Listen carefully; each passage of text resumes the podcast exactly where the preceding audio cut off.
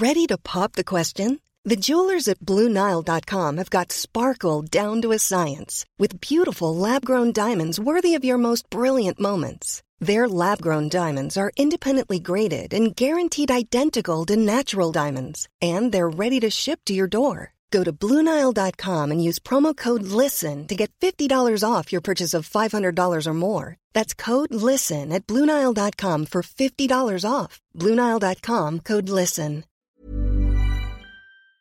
Hej innebandy Sverige! Välkomna till ett nytt avsnitt. Den här gången har vi med oss en nybliven världsmästare, Hanna Nordstrand. Hon är född 2004. Hennes pappa är Mr Åkersberga. Han var med och grundade klubben. Nu har han sett sin dotter vara med och föra upp hans klubb i SSL. Eh, tjejerna ska debutera i SSL om bara några dagar. Hanna var en av nyckelspelarna när damjuniorerna vann VM-guld i Polen för några dagar sedan. Hon gjorde fyra poäng i eh, VM-finalen mot Tjeckien. Sverige gjorde ju bara fyra mål innan man vann på straffar. Hittills har karriären gått spikrakt framåt för Hanna. Hon eh, vann SM-guld i STF-SM. Hon vann poängligan uttagen i All-Star Team. Hon gjorde hattrick eh, mot Finland i, eh, innan VM. Hon gjorde hattrick i VM i gruppspelet mot Tjeckien. Hon gjorde 2 plus 2 i VM-finalen mot Tjeckien. Hon vann poängligan i, eh, i VM för damjuniorer. Hon blev uttagen i All-Star Team. Hanna var ju den avgörande faktorn att Åkersberga tog steget till SSL. Hon var grym i kvalet mot Dalen och det ledde till att hon till och med fick en egen banderoll eh, på matcherna där det stod Pansar Nordstrand. Hanna kommer från en riktig idrottsfamilj där hennes två andra syskon spelar fotboll och mamma har eh, spelat elitfotboll och pappa har spelat många år i Åkersberga i högsta serien. Hanna gick lite mot strömmen. Hon nobbade RIG. Först ville hon, men till slut så tackade hon nej till RIG. Eh, men hennes tuffaste kamp eh, gjorde hon nog ändå på det personliga planet förra säsongen. Det kommer vi prata om i det här avsnittet. Nu sätter vi igång. Hanna Nordstrand, nu kör vi!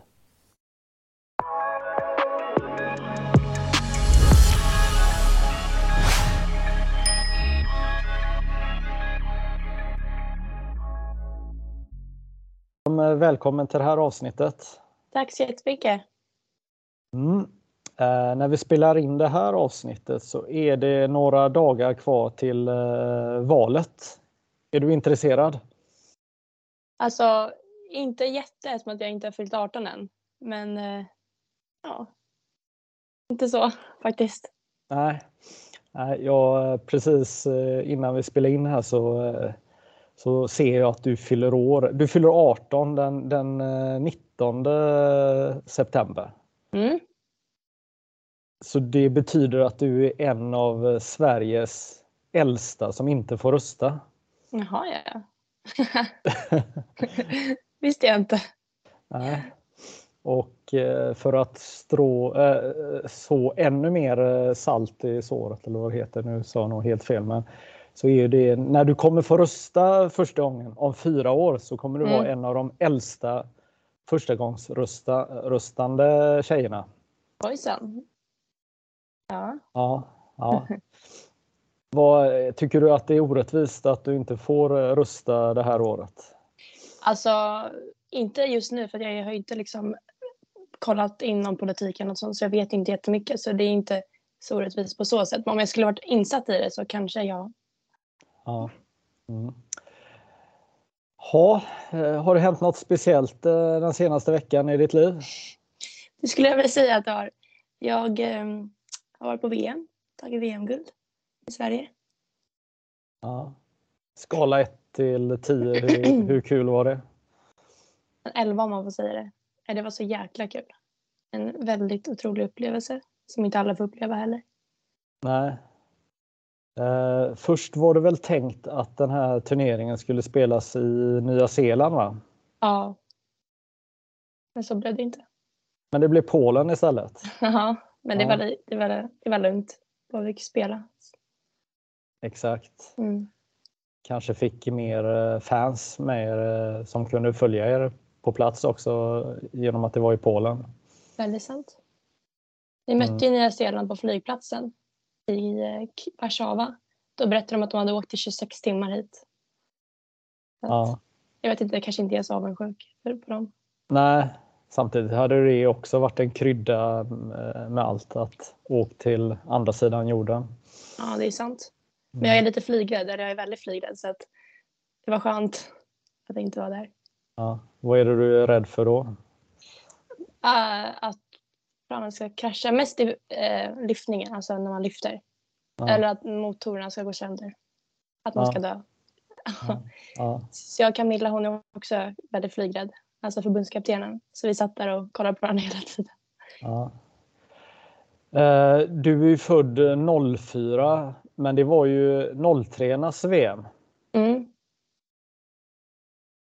Det, du var en av fyra som eh, var födda 04 som fick eh, chansen att vara med. Mm. Det är faktiskt väldigt kul. Att få vara, för man, 04 ska ju inte spela VM. Så det är kul att man ändå får chansen. Även fast man inte är 03. Nej. Hur tänker du? eh, Nu har du eh, fått vara med, men det är ju väldigt många av dina lagkamrater, motståndare som inte fick den här möjligheten eh, för att man kör varannat år. Mm. Nej, borde, alltså, man, borde man köra varje år eller vad, hur alltså det blir ju en större sak när det är var, varannat år. Men det, alltså jag tycker alla borde få chansen att få spela VM. Men det får man ju nu om man... Men det är så få 04 som får med 03 så det blir ju lite orättvist. Men det skulle inte bli så stort evenemang om det var varje år, tänker jag. För att det är ju mycket pengar också att lägga på VM. Mm. Speciellt då kan inte alla länder vara med där, för det kostar ju enormt mycket för dem. Som inte har... Exakt. Eh, Jag tänker vi ska gå tillbaka och prata ännu mer eh, VM eh, lite senare här. Men eh, Mm. du, du fyller ju 18 år här om några dagar. Men två dagar före din 18-årsdag så kommer du göra SSL-debut. Japp. Berätta. Nej, jag är faktiskt väldigt taggad på den. Vi ska ju möta Täby i premiären, vilket kommer bli ännu roligare. Det blir som ett derby mellan oss. Och speciellt en, så här att om inte vi Ackers skulle gått upp till SSL, vad skulle jag ha gjort då? Så det är ändå så här, det är lite kul att möta Täby just för den saken. Eh, och det ska vara väldigt kul att göra debut också och se liksom, lite se och lära också i SSL. Hur, hur det är att spela där. Ja. Eh, För om ni inte hade gått upp, hade du sökt dig någon annanstans då? Förmodligen ja. Eh, det tror jag verkligen jag hade gjort. Jag känner att jag var klar med allsvenskan. Tänker inte spela det ett år till. Men vilket lag vet jag inte. Nej. Så egentligen var det ganska skönt då att eh, ni eh, tog steget upp själva. Verkligen. Det är alltid roligare att göra det med sitt eget lag. Det laget man alltid har spelat i. Mm. Eh, jag tittade på din eh, licenshistorik och Mm. Du måste ju vara en av dem som har haft licens längst i din ålder.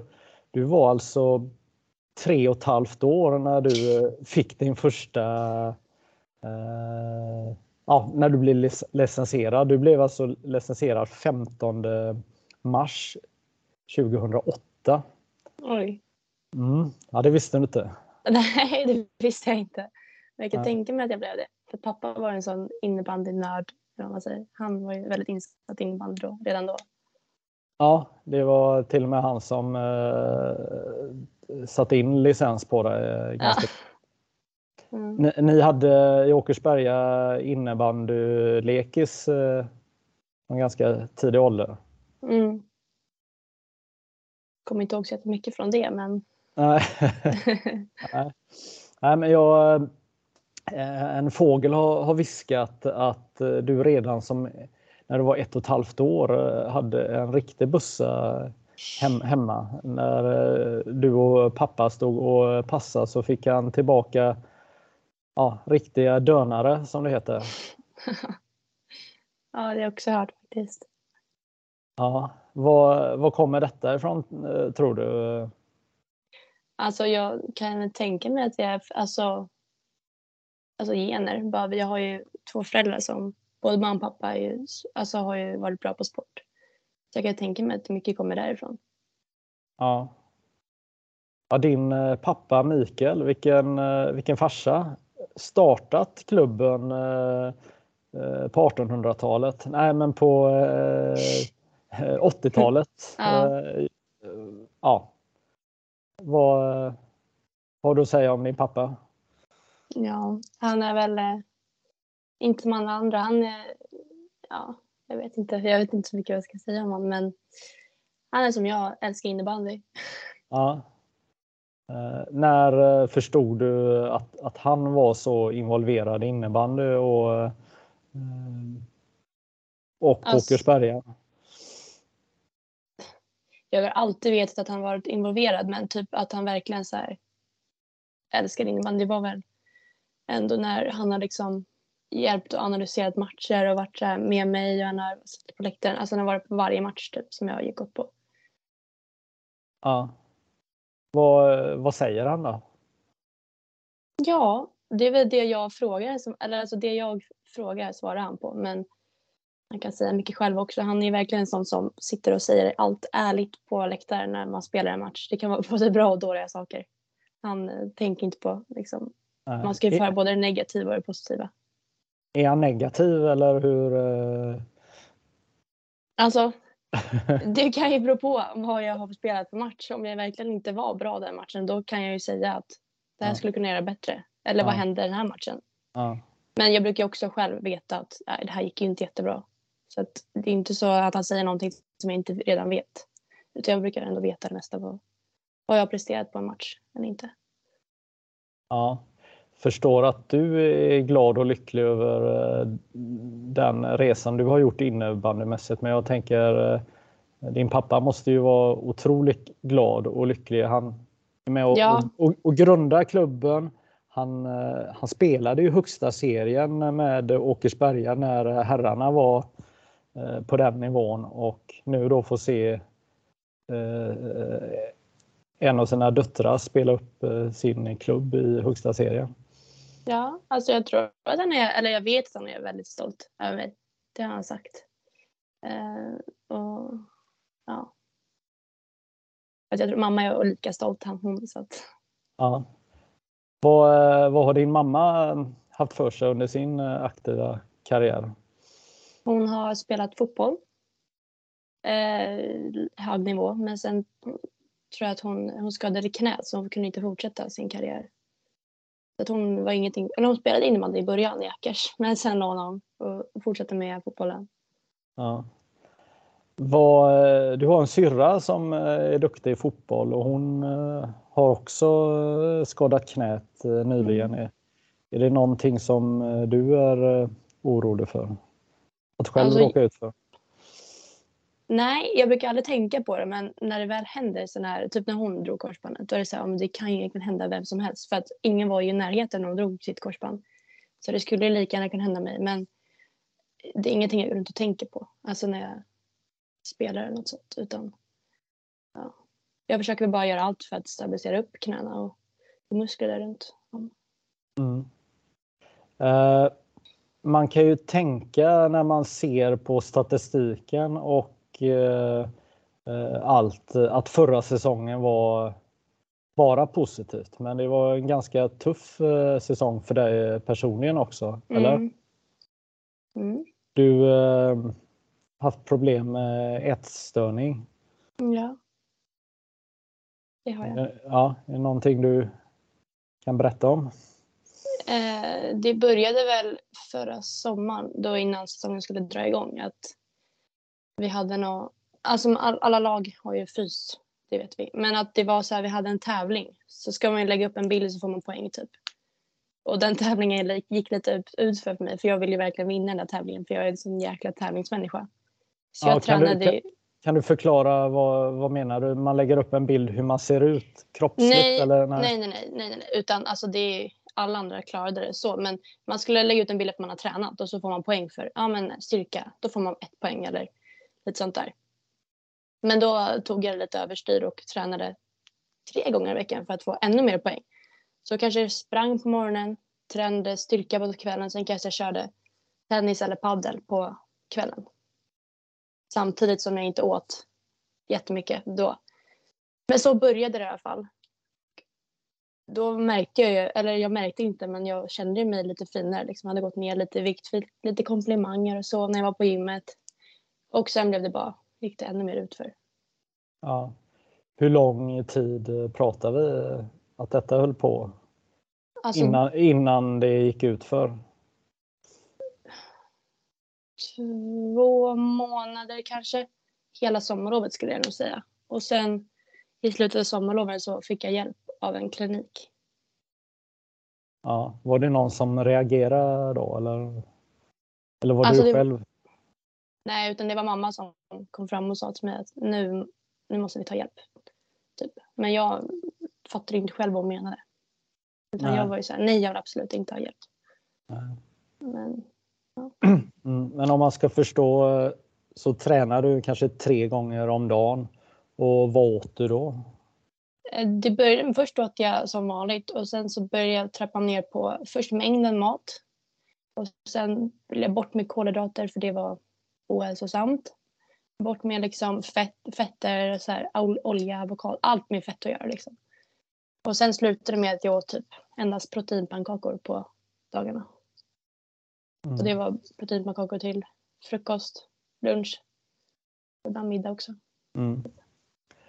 Okej, okay. så då eh, var det din mamma som eh, eh, reagerade och eh, hjälpte dig helt enkelt då? Mm, för eh, hon har också haft lite, när hon var mindre som mig, när hon också spelade fotboll, så hon har också haft problem med ätstörning. Så hon märkte väl av de här mönstren som sker. Så hon mm. visste väl vart jag skulle, alltså vilken, hur jag skulle fortsätta. Ja. Väldigt eh, viktigt att prata om det här. Vad, vad var det som gick fel, eh, tänker du, utöver det du eh, berättade? Att man har en fel syn på hur man ska se ut. Alltså mer att jag tänkte att jag såg ut på ett visst sätt, men jag såg inte ut på så sätt. Och allt, alla sociala medier, man kollade på folk hur de såg ut och man jämförde sig hela tiden. Det var väl det som var den största alltså faktorn till att jag liksom fortsatte göra så som jag gjorde. Mm. Man fattar inte själv vad det är för fel. Nej, precis. För jag får en känsla av att i början var det din vinnarskalle som satte igång någon tävlingshets mm. och så blev det något helt annat. Mm. Mm. Uh, hur känner du dig idag då? Idag mår jag alltså bättre än bäst. Jag skickade till mig till min klinik på en eh, rubrik om att jag vunnit VM-guld och så skrev jag att jag mår jättebra, det här är tack vare er. Typ. Så att jag mår faktiskt jättebra idag. Vilket jag är glad över. Ja. Uh, jag vet inte om, uh, jag tror inte så många har, uh, har mätt sin fettprocent men du var nere i 5 procent. Mm, jag var faktiskt nere till mig 4 procent.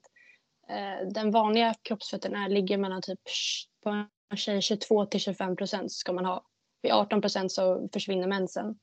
Och jag var liksom nere på 4 procent. Oj. Mm. Mm om vi tar det bara lite långsamt där. Hur, under hur lång period var det här eh, totalt sett?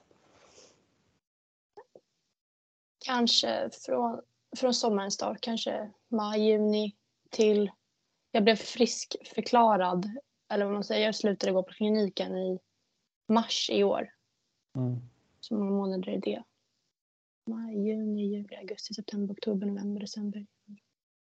Ja, det kanske har hållit på i tio månader men det kanske var lite värre i ett halvår typ. Ja.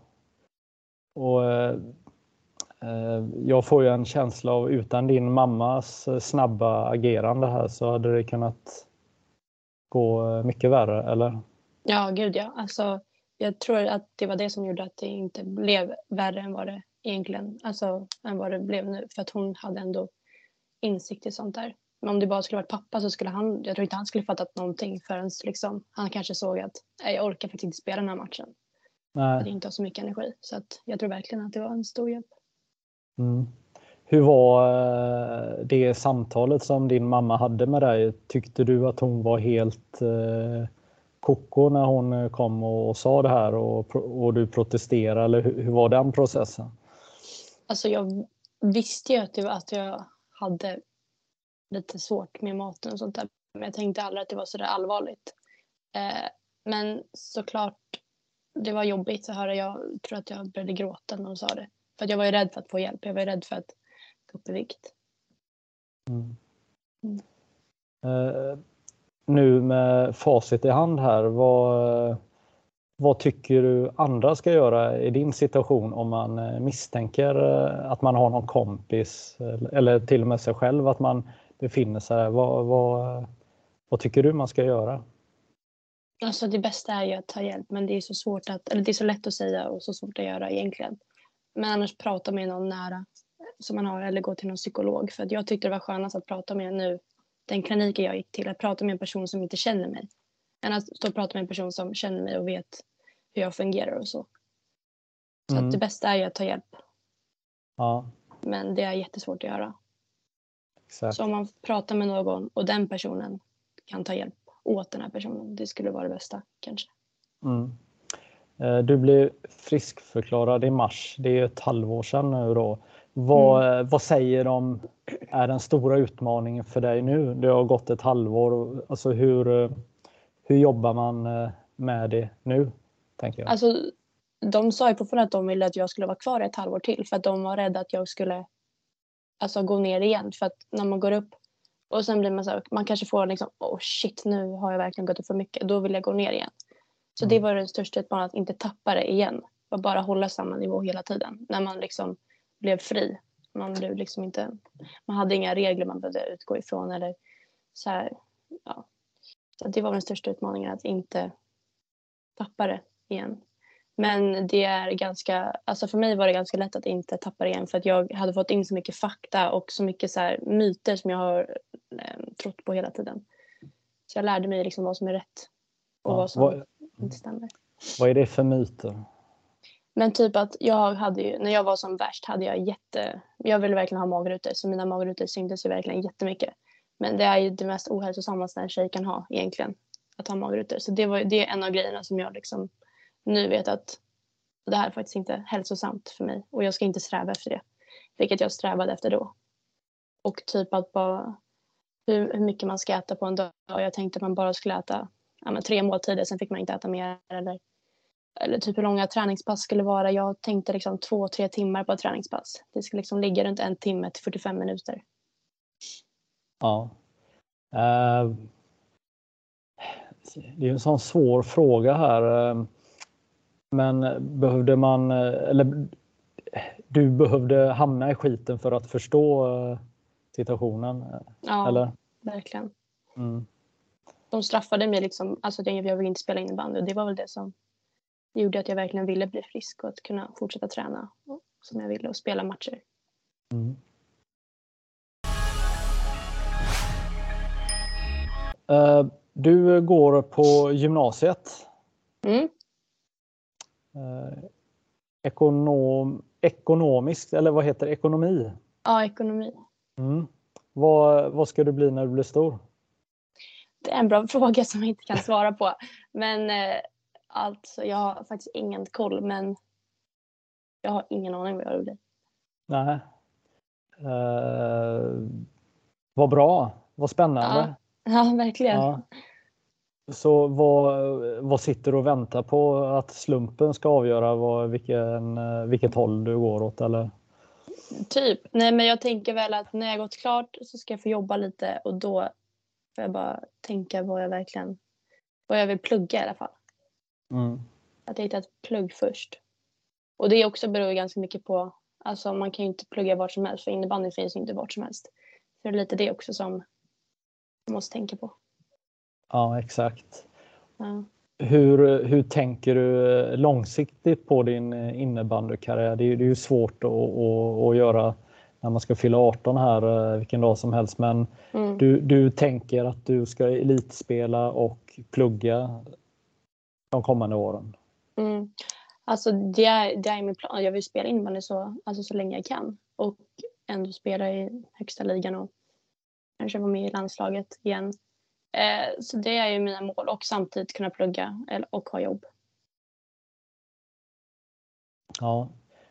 Uh, har du pratat med några som befinner sig på den nivån och hur man får ihop uh, livspusslet? Alltså, nej, det skulle jag nog inte säga att jag har. Jag vet ju de som, några nu 03 här från VM som har precis flyttat till sin nya stad och pluggar och spelar och det går ju superbra.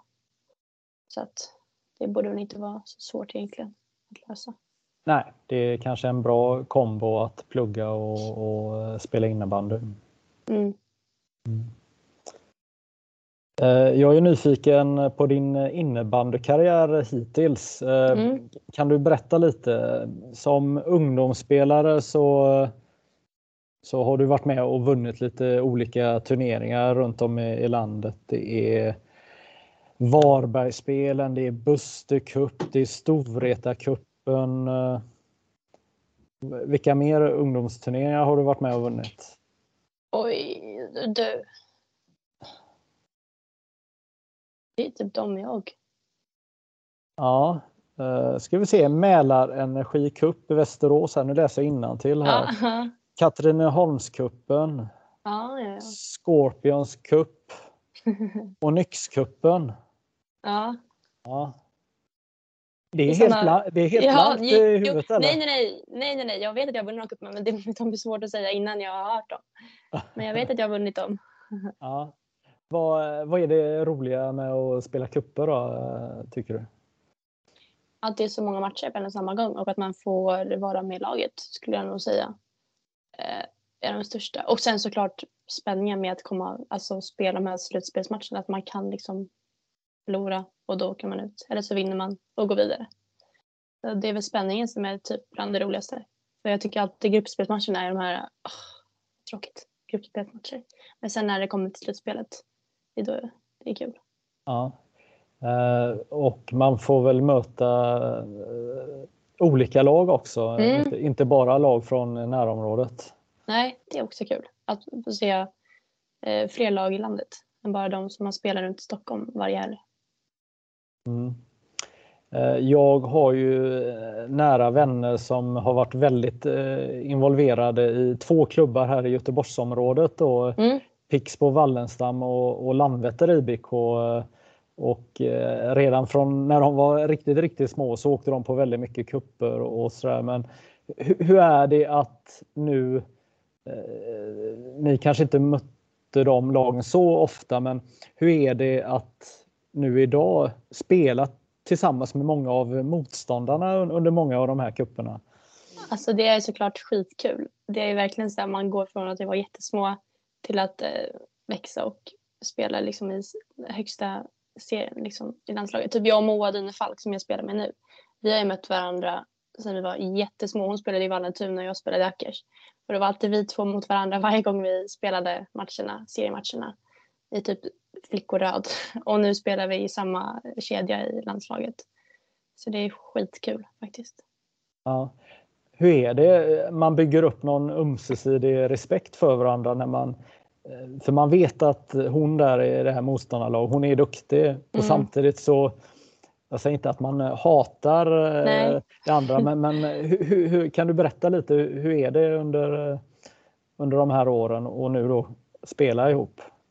Alltså det är lite så, man ser att ja, hon är bra, jag är bra, då blir det lite att man vill visa, alltså man vill vara bättre än den andra. Även fast vi inte spelar i samma lag så vill man, man vill inte låta den personen göra mål fast man själv vill göra mål. Så det blir lite så att man blir lite, man hatar lite på varandra fast man gör ju inte det, man känner inte personen. Men så, man har ju alltid haft någon spelare i något lag som varit så och det tror jag att man har än idag. Liksom. Eh, och sen är det ju en stor nu att man spelar i samma lag för Sverige det är skitkul och då känner man inget hat eller så utan då är det mer bara att det är kul att man spelar i samma lag för att man båda två är lika bra. Mm. Säga. Ja. Eh, men du har ju inte varit eh, enbart spelare i, i Ackers 04-lag utan du har ju spelat med äldre lag också, eller? Mm. Berätta. Jag började spela med Frico 04. Det var ju liksom mina allra bästa kompisar. Vi spelade innebandy tillsammans så det var skitkul däremot, vi var skitbra, men eh, jag fick hoppa upp till eh, DI-laget som jag var lite obekväm med. Det var, kände inte så många. Andreas Berglind verkar alltid inte vara jätteglad ibland så att man var lite rädd för honom också. Så det var inte skitkul att komma upp dit och inte ha några vänner heller. Nej. Men, vad, vad, vad, var du rädd för då? Var han arg eller? Vad? Men jag har ju alltid haft min pappa som tränare. Så nu när jag kom upp till Ante som ändå kan säga lite vad han tycker och tänker. Och jag tyckte väl då att han skrek på träningarna, vilket han kanske inte gjorde, men jag var väl inte van med det. Så att det var en stor förändring faktiskt, att inte ha sin pappa som tränare längre. Eh, men det var ju ett stort steg för mig, för efter det så fick jag ju bara massa nya kompisar i det som jag har än idag, som är mina allra bästa kompisar. Aha. Och sen gick jag upp till damlaget efter, när var damlaget var det kanske två år sedan. Jag gick upp där. Och det var samma där, då blir det också ett steg till. Där var, man var nervös på träningen, man ville inte ha passningen. Och nu, alltså, nu mår jag jättebra i det här laget. Jag vill ha bollen varje gång jag är på träningen. Liksom. Så man är utvecklad som person också när man bytt lag, skulle jag nog säga. Ja. Det är en härlig känsla som innebandyspelare, precis det du sa det här. Man vill ha bollen hela tiden. Det är, mm. det är på något sätt det man eh, eftersträvar, eller? Ja, gud ja. Hur, hur kommer detta sig? Är det självförtroende som har, eh, som har växt eh, med framgångarna eller vad, vad är det tror du? Eh, ja, om man ska vara ärlig så har jag, jag har fortfarande inte någon självförtroende eller något sånt. Alltså jag är verkligen sämst på att känna liksom hur bra är jag egentligen utan jag, jag bara kör. Jag tänker inte på något sånt. Men jag, alltså jag skulle vilja säga att det är själva, alltså att jag vågar. Det är väl alltså sammanhållningen i ett lag. Att jag vågar träffa nya människor, för jag är ganska social av mig. Att jag vågar lära känna nya personer så jag vet att de inte kommer att, alltså de kommer inte tycka något illa om mig när jag får bollen. Utan de vet att vem jag är liksom. Mm. Men var utvecklande också som person att, att eh, ständigt eh, träffa några lite äldre eh, personer runt omkring sig. Mm. Mm. Eller? Ja, ja gud ja. Mm. Så, så, det måste ju också vara väldigt utvecklande. Vad tänkte jag? Du, du har ju inte varit forward hela karriären. Du, du var back ganska länge. Kan du berätta? Ja. Jag var back i eh, det här 04, flickor 04-laget jag spelade i. Eh, och det tyckte jag var skitkul. Jag tycker fortfarande att back är jätteroligt. Man kan se spelet från ett helt annat sätt. Man ser det ju framifrån och kan lägga de här eh, sköna passningarna genom planen till forwardsarna. Men det var någon match jag skulle gå upp som center. Så då testade jag center. Fick komma lite högre upp i spelet. Och där gick det tydligen bra så jag fortsatte där. Eh, Tydligen bra. Du, du, du, gjorde väl eh, extremt många mål direkt, eller? Ja, det tror jag. Jag, jag, jag tror jag gjorde det, men jag, det kan jag ha gjort. men eh, ja, det är kul att göra mål så att det kan vara därför jag tyckte om att vara kvar på den här centerpositionen. Mm. Ja. Eh, Distriktlags-SM har du varit med och eh, spelat. Ja. Berätta. Ja, det var också en av de roligare upplevelserna jag har gjort skulle jag nog säga. Jag älskade SM-laget. Vi åkte dit med Stockholm. Det var några tränat ihop. Det blev ju inställt. Vi skulle väl spela, jag vet inte när vi skulle spela, men det blev typ sju, eller framflyttat. Eh, så att det var ju, alla var ju liksom skittaggade på att köra efter man hade väntat i ett år typ. Jag tyckte ändå vi hade tränat ihop laget rätt bra. Kommer till SM. Har ganska mycket press på oss för att vi är ju ändå Stockholm. Så att man hade ju press på sig. Eh, klara gruppspelet. Och sen semifinal mot Skåne. Eh, och då, man har ju alltid sagt att Stockholm måste komma till final. Det var ju samma som nu i VM. Sverige måste ju komma till final. Så man har ju någon press på sig. Liksom. Man är ju alltid nervös. Eh, vi leder matchen, sen blir det 4-4 i eh, 4-4 när, slut, när spelet är slut, så det blir förlängning. Det blir 4-4. Ja, det tror jag det blev. Ja, så blir det förlängning i alla fall. Och när det är en och en halv minut kvar så avgör vi Stockholm. Så vi vinner semifinalen. Och går till final. Och då ska vi möta västsvenska. Mm. Och där spelar ju några från Landvetter, som Ella Zetterstedt som spelar eh, här i, när hon spelade med Sverige nu. Ja, just det. Jag har lite statistik här från den här turneringen. Så det säger också att du, ju tuffare det blir, desto bättre går det för Hanna helt enkelt här. Eh, I gruppspelet då i distriktslags-SM här så eh, låg du bakom eh, eller var inblandad i 25% av målen mm. som Stockholm gjorde då. Men i slutspelet så var du delaktig i 11 av 15 mål, alltså 73 av målen. Du, du, du gillar när det är tajt och tufft och tuffa matcher? Ja, ja alltså jag, det har bara blivit jag, alltså jag har alltid lyckats prestera när det är de här tuffa matcherna som gäller. Både de här SM, där jag presterade i SSL-kvalet som jag hade när vi skulle, min Acker skulle gå upp SSL. Eh, då är det också de här tuffa matcherna som jag, jag vet inte, jag tycker bara alltså vad ska man säga, jag får in bollen på de matcherna. Och sen nu i VM tycker jag också att de här tuffare matcherna så har det gått bättre för mig. Så att jag vet, jag vet inte vad som har hänt utan jag har bara blivit så. Jag antar väl att det är att Nej, jag vet faktiskt inte. Nej, men, nej, men, det, nej, men det, det är ju otroligt intressant. Ja. It's that time of the year. Your vacation is coming up. You can already hear the beach waves, feel the warm breeze, relax and think about work. You really, really want it all to work out while you're away. Monday.com gives you and the team that peace of mind. When all work is on one platform and everyone's in sync, things just flow wherever you are. Tap the banner to go to Monday.com. Many of us have those stubborn pounds that seem impossible to lose, no matter how good we eat or how hard we work out. My solution is plush PlushCare. PlushCare is a leading telehealth provider with doctors who are there for you day and night to partner with you in your weight loss journey. They can prescribe FDA-approved weight loss medications like Wagovi and Zepbound for those who qualify. Plus, they accept most insurance plans. To get started, visit plushcare.com slash weight loss. That's plushcare.com slash weight loss. Ja, men det, det, är otroligt intressant för jag har mer statistik här från förra säsongen då mm. i Allsvenskan. Alltså du, mm. Du eh, var inblandad i 39 procent av era mål i grundserien då medan mm. i, i, i, kvalet då så är det 63 procent då. Alltså mm. 15 av 24 mål är du direkt inblandad i. Så mm. att eh, ja, det är ingen slump. Nej. Nej. Vad, vad är det som händer med dig när det är de här eh, matcherna? Det är, kopplar du på något annat sinne eller vad? Alltså jag tror att det är det, för jag har, inte, jag har inte jättesvårt att tagga till till matcher. Men nu när det blir de här matcherna som det gäller att liksom prestera på, det är liksom vinna eller försvinna.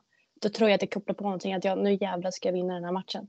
Vinnarskallen mm. inom mig kommer, ja. in, kommer in och det är väl det som jag tror avgör liksom hur jag spelar. Mm. Jag vet eh, historiskt sett så finns det många stora idrottare som ibland när de spelar stora matcher hamnar i en situation där de mentalt tänker att de kanske bara vill fly. Eh, de vill komma undan med blotta förskräckelsen, vill mm. få en match eller tävling överstökad. Men hur, hur, hur känner du i de här stora matcherna? Du, du, kan du njuta och, och har du kul när du spelar? Eller vad, vad är det som gör att du kan koppla på och bara köra på? Alltså de matcherna jag spelat nu så tycker jag det är skitkul att spela. Jag vill bara spela klart hela matchen. Bara vi vinner. Typ i VM-finalen. Där var en sån situation. Jag ville inte spela. Jag, där var det så här, jag fick lite panikångest. Nu, nej, det går liksom inte. Men eh, i de här andra matcherna så tycker jag det är skitkul. Jag vill bara spela hela tiden. Hoppa in på planen hela tiden. Eh, men jag tror att det beror lite på vad det står i matchen också. Mm. Men kan du berätta lite om den känslan då när man eh, känner så? Vad, hur, eh, vad gör man? Eh, man? Man låser väl inte in sig på toaletten tänker jag utan man går väl ut och kör uppvärmning och så, och så löser det sig eller hur, alltså, hur tar man ja. sig förbi? Det är väl bara så här, man går ut, värmer upp, är nervös, ont i magen för man är så nervös.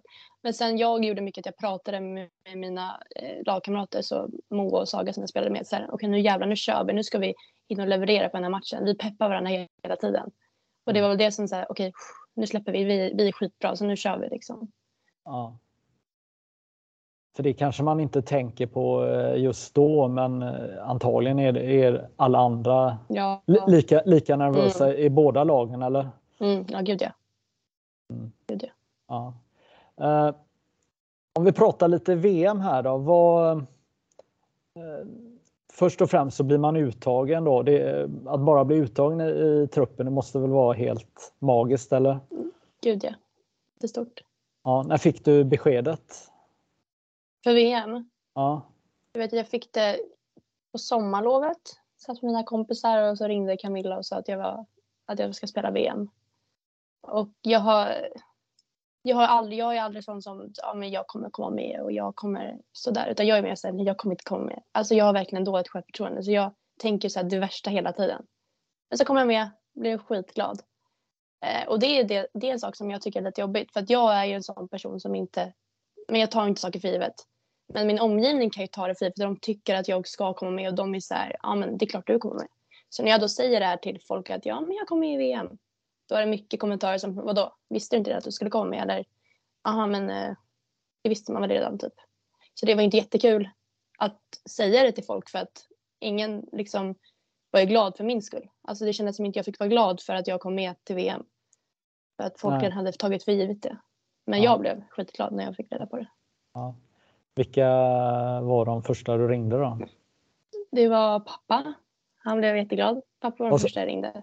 Ja, vad sa han? vad sa han? Att han var jättestolt och det ska bli skitkul. Eh, och sen min pojkvän. Han sa också grattis så att han, eh, alltså han sa grattis så att han tyckte att jag förtjänade en plats. Ja. Morsan då? Ja, hon skrev också till i tredje hand. Men okay.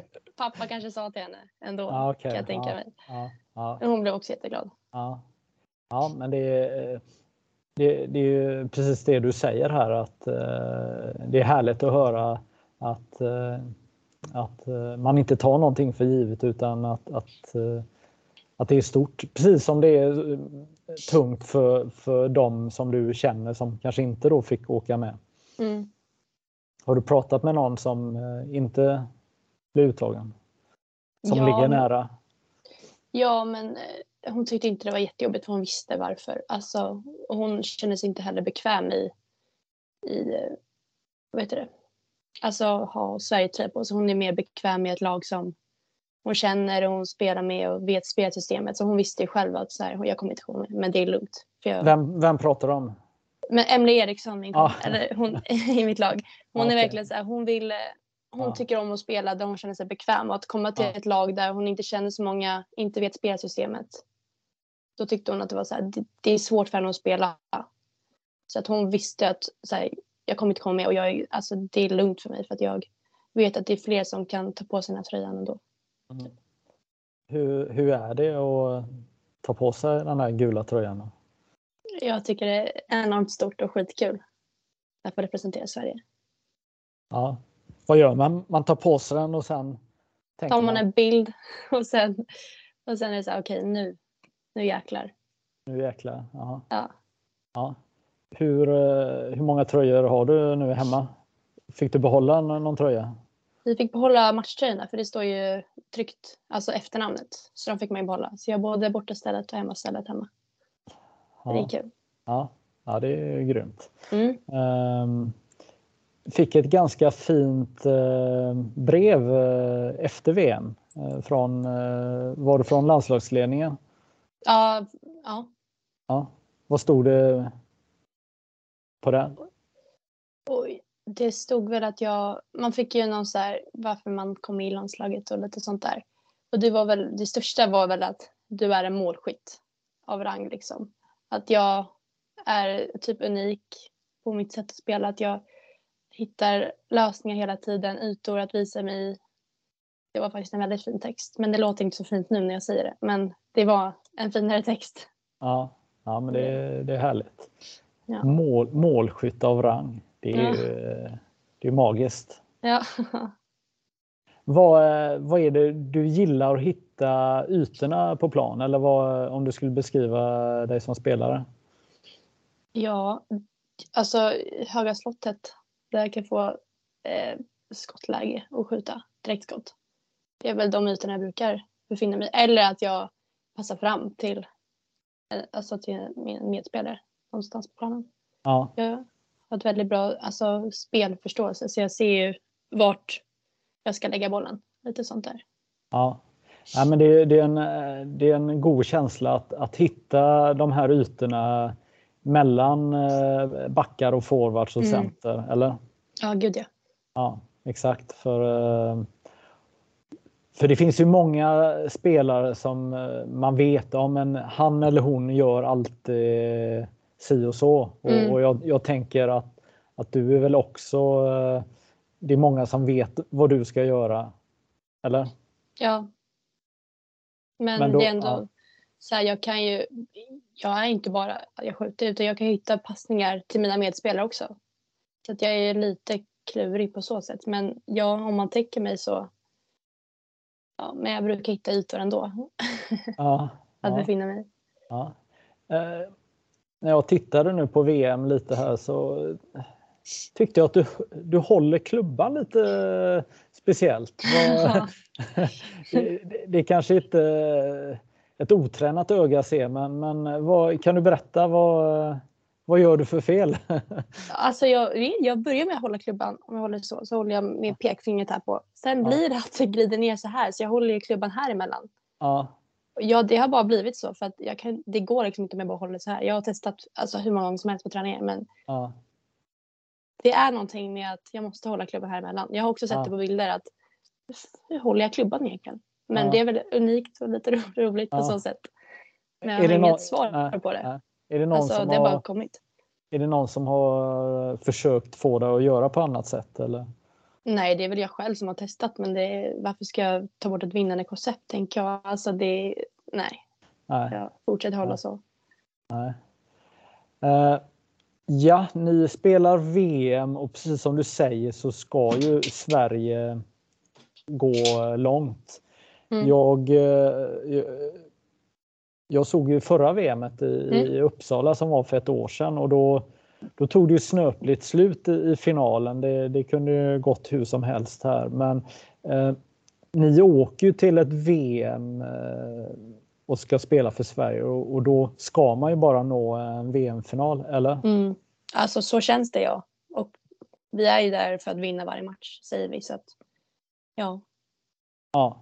Och, eh, oavsett om det är herrlandslaget, damlandslaget eller herrjuniorlandslaget eller damjuniorlandslaget. Om man då ställs mot Finland i en semifinal så ändras ju eh, konceptet. Då är det ju en 50-50 situation eh, egentligen för alla Mm. landslag när, Mm. man, när man då ställs mot Finland i en semifinal. Och det gör ni. Mm. Men eh, slutresultatet säger ju att ni vann klart. Alltså den matchen var... Jag tror jag aldrig varit så nervös innan den matchen. Jag var, jag var mer nervös mot finalen när vi var i VM-finalen. För att jag visste ju att det är den pressen man måste ju kunna komma till final. Sverige måste ju till final. Så att där får man ju själv, man sätter ju själv en press på sig själv liksom. Så det var ju det som var det som var nervöst. Men sen när vi väl började spela och märkte att okej men vi, vi är bättre än Finland liksom. Då, då tog man det lite lugnare. Men innan så var det verkligen, då var det press. Precis. Speciellt när man skulle möta Finland. Mm. Hur skulle du beskriva att spelet är i, i, i damjunior-VM kontra eh, allsvenskan som du har spelat eller, eller andra större turneringar som eh, juniorspelare? Eh, jag förstår när ni möter nationen, när ni vinner med jättestora siffror så, så är det ju mer en skrattfest. Men, men jag tänker Mm. sådana här matcher mot eh, eh, Finland, Schweiz och Tjeckien. Alltså det är ju extremt mycket högre tempo och det är tuffare närkamper och, och sen tycker jag också att i Sverige är vi mycket att första framåt hela tiden så är det inte i många klubblag liksom att bara man vinner bollen första framåt direkt så att man sätter press på motståndarna. Och samma sak med att vi alltid pressar mycket. Att vi, vi låter liksom inte motståndarna ha bollen. Det är väl någon av de sakerna som inte är så mycket i allsvenskan. Att man jagar motståndarna hela tiden. Man låter dem aldrig ha bollen. Utan man, Mm. vill, man vill hålla spelet i Sverige. Ja. Vad, vad var det som gjorde att ni slog Finland? Var, var ni bättre än, än Finland på? Jag skulle nog säga att vi är bättre på Finland med första framåt. Att vi alltid sätter spelare, alltså man sätter bollen framåt när man har vunnit den och inte liksom tar hem som de, lugnar ner spelet och spelar runt. Vi kommer också in bra i mitten medan Finland bara spelade runt, runt oss hela tiden. De kom aldrig in i mitten och kunde eh, avsluta. Vilket Mm. vi gjorde en del gånger. Ja. Och där är man ju farlig i sådana lägen. Mm. Och sen så blev det VM-final då mot Tjeckien. Ni vann med uddamålet i gruppspelet mot Tjeckien och ni eh, går fram till 3-0, 4-1 Mm. och då eh, är du noterad för två mål och två assist. Mm. Ganska god känsla eller? Ja, verkligen. Att eh, som målskytt, eh, framspelare och poängdrottning. Det är ju det är en magisk känsla att eh, gå till avbytarbänken att nu har vi gjort fyra mål och jag har varit delaktig i alla fyra i en Mm. VM-final. Mm. Men som sagt, jag, det är skitkul men jag har så svårt att så här, jag har så svårt att själv, okej, jag är ju verkligen, det här var verkligen bra gjort av mig. Utan jag tänker verkligen så här, ja vi gjorde mål. Jag är inte så jättebra på att säga att jag är bra på så sätt. Så jag har svårt att ta emot komplimanger och sånt också. Mm. Så det är när, när du säger så här, ja men det är magiskt. Ja fast jag får aldrig uppleva den känslan att det är magiskt utan det är bara, vi gjorde mål. Ja, Så jag tycker det är lite tråkigt så Ja. men det är ju kul att höra ändå. men samtidigt är det väl eh, naturligt att tänka nästa byte. Ja, är det. Mm, mm. Men vad man undrar då det är vad händer efter det här? För att ni- gör ju 3-0 och sen så lite slarvigt så släpper ni in ett, ett, eh, reduceringsmål eh, och sen Mm. gör ni 4-1. Men det känns ju som att det är eran match till 100 Men sen, Mm. sen låter ni Tjeckien eh, ta över matchen i, i, slutet av, eh, av ordinarie speltid. Vad är det Alltså, som jag- händer? Jag skulle nog kunna tro, jag tror inte det är många som har tagit för givet att vi ska vinna matchen utan mer att man är rädd att släppa in mål så att de kan ta ikapp och därför backar vi hem lite och låter dem hålla bollen. Som att Mm. vi ska skydda vårt mål men det är egentligen sämre. Vi ska fortsätta spela så som vi gör för att det var ju det som gjorde att de gjorde misstag hela tiden. Eh, så jag tror att det var en stor faktor till att man var rädd. Alltså man, man ville verkligen vinna matchen. Vad du säger är att ni tappade initiativet lite då? Ja, det tror jag. Mm. Ja. Eh, Tjeckiens lag, det är ett ganska ungt lag. Mm. Gud ja. Ja. De, eh, spelar de lite annorlunda än er och Finland tänker du eller? Jag skulle säga att vi i Sverige och Finland spelar en lite mer alltså, fin innebandy skulle jag ändå säga. Tjeckien är mer rakt på mål. Det är liksom tut och kör. Boll, bollen ska in. Det är mycket returmål där. Skjuta från back och sen slå in bollen. Så att det är ju lite svårt där att spela mot Tjeckien för att man, vi spelar så olika innebandy. Så bara de lägger en lång boll mot oss som vi inte är beredda på så blir det ju farligt. Vi är kanske inte är lika starka som dem framför målet och i närkamperna. Nej. Tänker ju ändå att ni är lite ödmjuka med tanke på hur matchen eh, eh, slutar och, och Mm. i, i sadden. De träffar stolpen och Mm.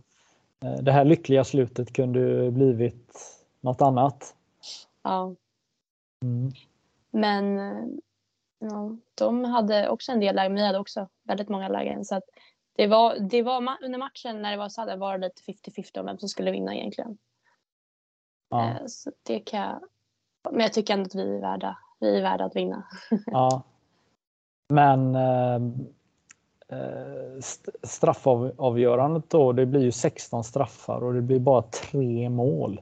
Mm. Det är ju inte det lite halvrötet med bara tre mål på 16 straffar. Alltså man skulle kunna säga att det var bra målvakter. Eh, Maja Lindsjö gjorde ett skitbra jobb i målet som vi hade som målvakt.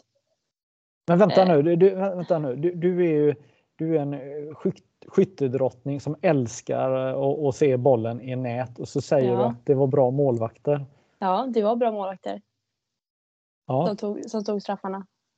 Det är ju, jag tror också det, det är, jag tycker att det är svårt att lägga en straff för man får så mycket tänketid på vad, man, vad ska man göra. Liksom. Medan när man kommer där och bara skjuter direktskott så är det, ja men nu skjuter jag. Mm. Så det, jag tycker det är svårt att lägga straff och det såg man ju. Jag, jag grät ju lite där innan straffen. För att jag, har aldrig lagt, jag har aldrig lagt en straff sen Storvreta-cupen i semifinalen 2017 eller 2018 mot, Stor, nej, mot Bela Barkarby när vi förlorade och jag missade straffen. Så efter det har jag aldrig lagt en straff. Nej. Så det var väldigt tufft för mig att gå fram och lägga den där straffen. Hur gick eh, snacket där med vilka som skulle lägga straffarna? Vi hade övat en del på träningar på straffar och efter det så tog vi ut sju stycken straffskyttar. Två som skulle sätta på match och sen fem stycken på straffläggning. Och sen var det bara att tränarna bestämde vilka som skulle lägga och då var det bara att göra. Mm. Ja. Men jag tror att alltså straffarna som vi tog, det var ju mycket nerver som man hade. Det var ju liksom en VM-final. Mm. Så det mm. kan ju vara ganska mycket, alltså, ja. Ja, ja men det, det, det, det är himla tuff situation att, att, att ställas inför. Jag ska ju dra en jättedum eh, jämförelse men för två veckor sedan så spelade jag en invigningsmatch i Borås inför 600 personer och inte mm. själv spelat innebandy på ett halvår. Och eh, då säger arrangören att fem stycken ska lägga straffar. Mm. Och jag var en av dem. Och då går en eh, före detta landslagsspelare som heter Kim Eskelinen fram först och gör en jättesnygg straff och hänger upp den och eh, motståndaren gör en lika snygg straff och så ska jag gå fram och då kan jag säga att med många år i branschen, då kände jag mig ganska liten på jorden och ja. det var oerhört eh, otäckt och, och, och jag, jag kan verkligen sätta mig in i den situationen som du befinner eh, dig i. För till skillnad mot eh, min straff så var ju den oviktig. Eh, mm. Fast inte just då, då, då spelar det ingen roll vad du spelar. För, för det är så många som tittar. Men, men jag hade tur den här gången att jag kom in i zonen. Ja, men jag har en straff. Jag bara sprang fram och så gjorde jag den och så satt den. Mm. Och, och, men jag har ju varit med om så många gånger när man, när man eh, börjar tänka mm. och då går det åt pipsvängen. Mm. Och eh, hur, hur eh, ehm, för att du grät, det, det, det, såg ju alla som eh, tittade på matchen, både live och på tv. Ja. Hur, vad, vad var det för känslor du hade då? Jag vet inte. Alltså jag har alltid haft, liksom, jag har aldrig lagt en straff och det var bara alla, känslor, alltså alla känslor bara kom på samma gång. Jag bara brast ut. Jag fick liksom, kunde nästan inte andas. Jag fick bara panik att jag skulle lägga den där straffen. Men när jag väl stod där på planen så var det lugnt. Men det är bara allt innan som är så jäkla jobbigt. Att bara tänka och vänta på sin tur. Det var det som var jobbigast. Ja. Men kände du att, att du inte kunde backa ur eller var jag kände att jag inte kunde backa ur men sen även ville jag ändå inte göra det för jag ville ju ändå, jag ville kunna avgöra fast jag nog inte gjorde det. Äh. Men jag vill ändå kunna ha, alltså jag vill ha chansen att göra det. Ja. Så jag ville inte backa ur men jag tror inte jag kunde det heller. Skulle du backat ut nu med facit i hand?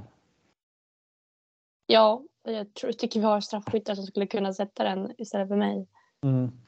Ja. Att jag aldrig, för så har det varit i klubblaget, men att jag aldrig velat lägga en straff. För jag vet att det finns straffskyttar som sätter de, eller eh, spelare som sätter de här straffarna medan jag gör poängen i matchen istället. Jag är ja. inte den som ska lägga straffen. Nej, men jag, jag tänker att, att det förväntas ju att du ska ta mm. det här ansvaret då när du har eh, varit inblandad i alla spelmål i, i matchen. Mm. Men kan du inte ta med dig det självförtroendet att du har varit med och bidragit, att du, att du inget att förlora är fel ord för det, som straffskytt så har man egentligen allt att förlora. För, ja. för, egentligen, för egentligen är det ju bara målvakterna som har allt att vinna. De, mm. det, det, är ingen som hänger dem om de eh, missar att rädda en straff. Nej. Alltså, Nej, jag har lite svårt att... Nej. Nej, tyvärr. Den jag Ja. tänker på att jag missade den där straffen och det är det som sitter kvar. Så att, Ja. ja. Ja. Vad, vad händer då efter sista straffen är räddad och det, det är klart? Ni, eh, ni vann. Då blev det en lättnad, ska jag säga. Men jag hade fortfarande kvar klumpen i magen att... Ja, jag vet inte, jag hade kvar den här klumpen i magen. Jag har fortfarande kvar den klumpen att... Ja, jag kan inte tänka på, tillbaka på det ögonblicket för det. Men när, vi, när Maja tog straffen så då vann vi VM-guld. Och det är det som skulle vara. Ja.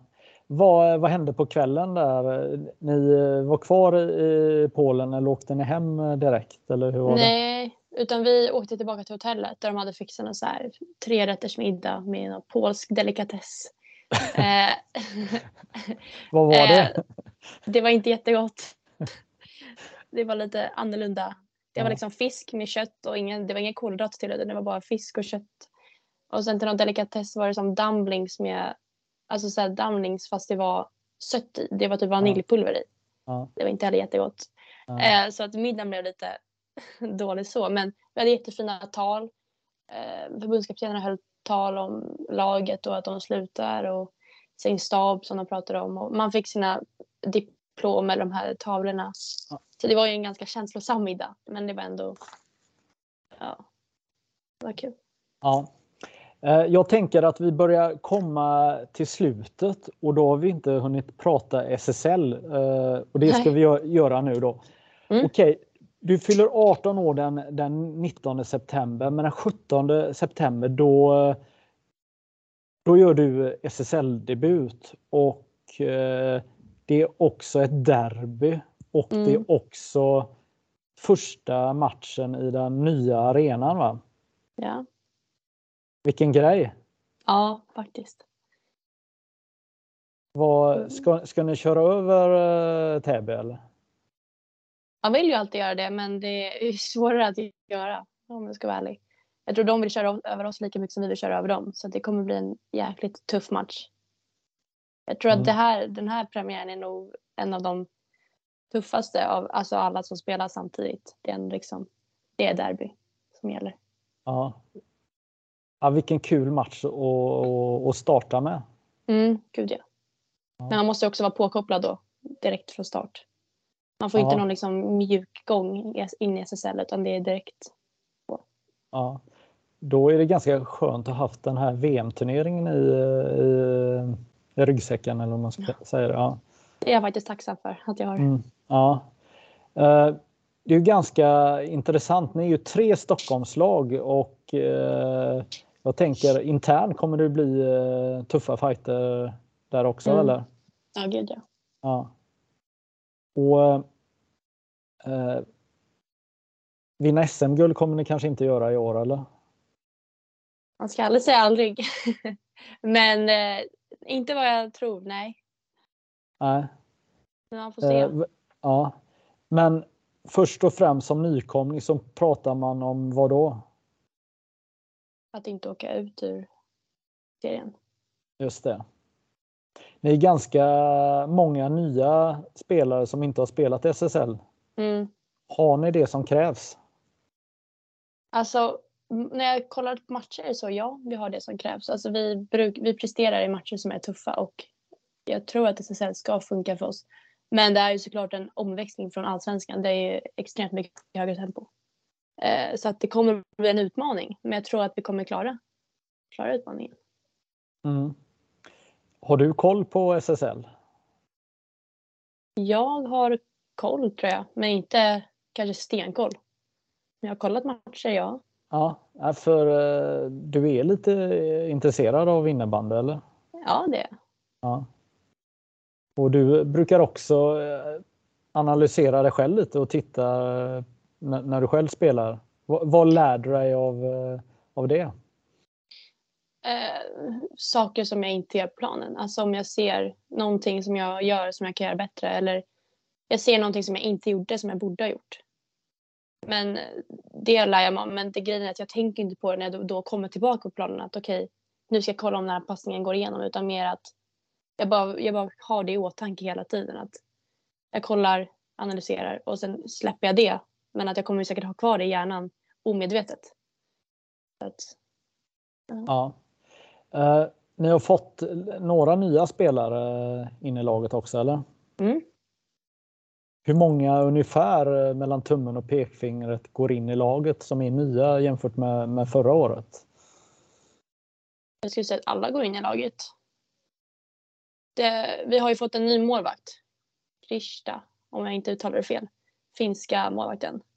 Där blir det, hon, hon och Maja, det kommer bli, liksom, de är exakt lika bra. Jag tycker båda är svinbra, så där kommer det bli den tuffaste fighten för dem. Eh, men som sagt, de är ju lika bra, men jag förstår att båda vill spela också. Så att det är en av de tuffare. Ja. Vad, vad har du för målsättning eh, personligen då?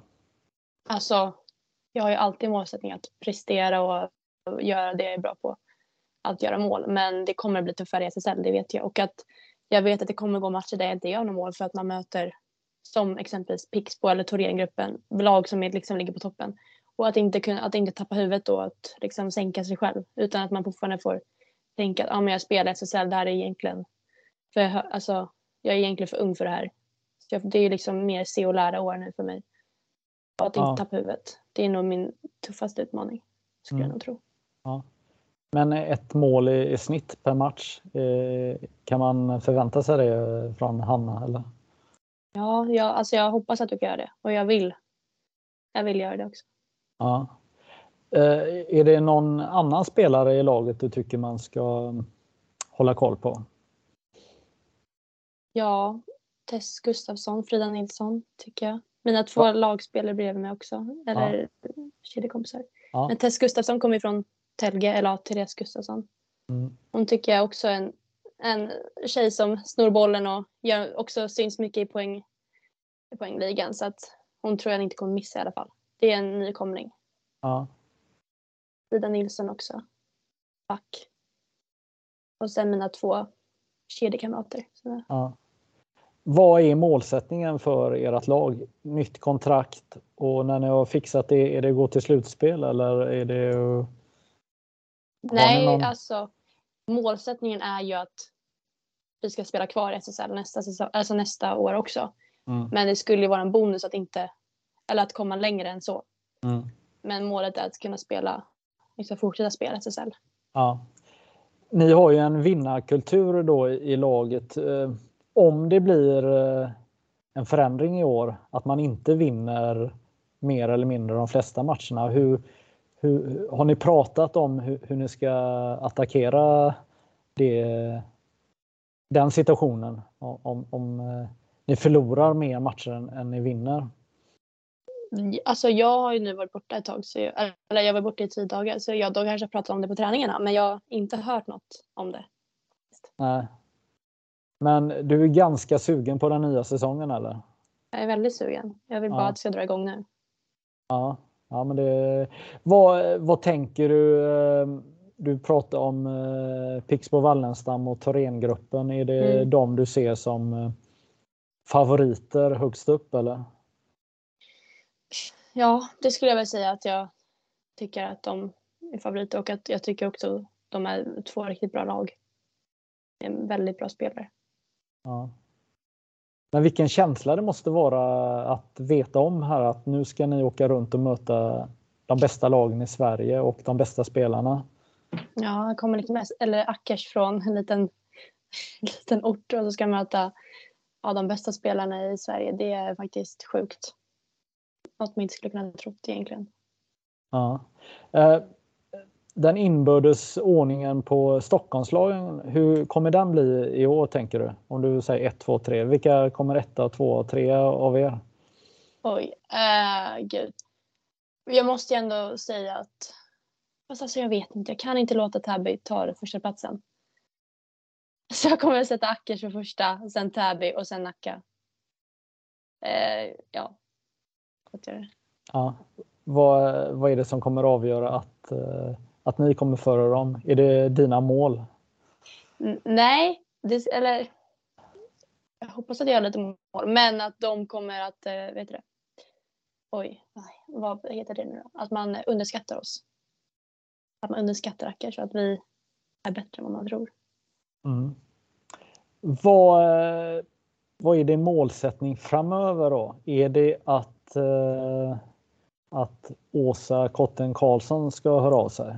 Är det en målsättning? Ja, det är absolut. Att sätta på den stora landslagströjan skulle vara något också.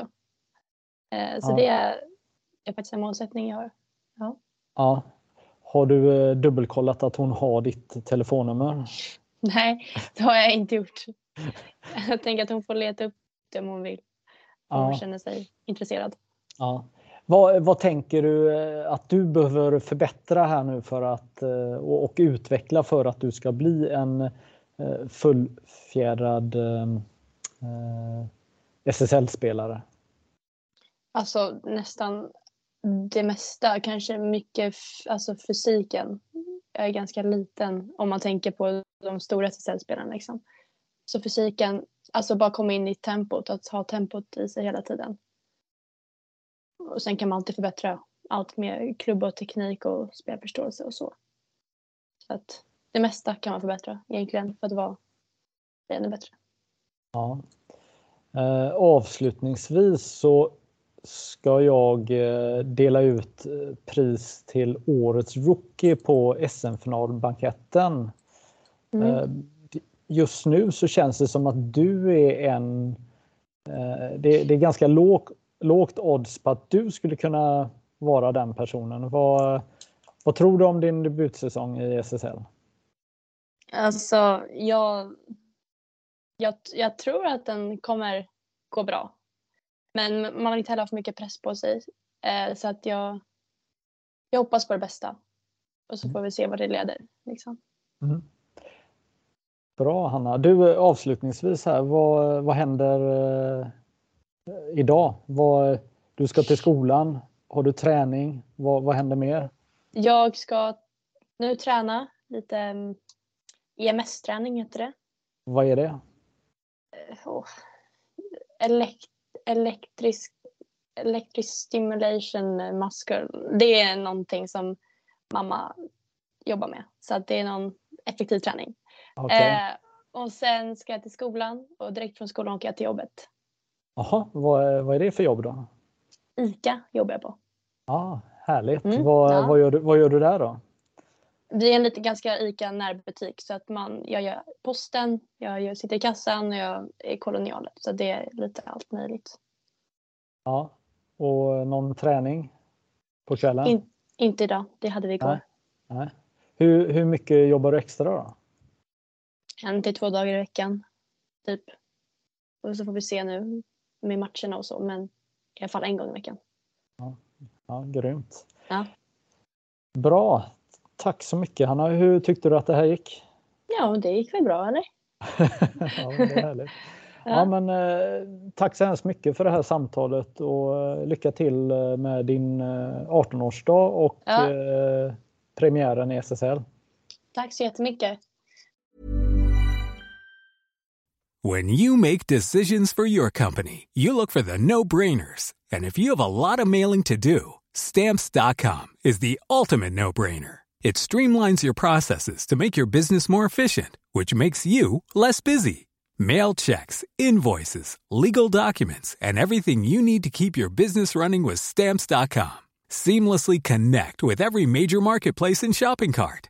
Schedule package pickups and see your cheapest and fastest shipping options from different carriers. With rates up to 89% off USPS and UPS rates. And with the Stamps.com mobile app you can take care of mailing and shipping wherever you are. Make the same no-brainer decision as over 1 million other businesses with stamps.com. Sign up with code program for a 4-week trial plus free postage and a free digital scale. No long-term commitments or contracts.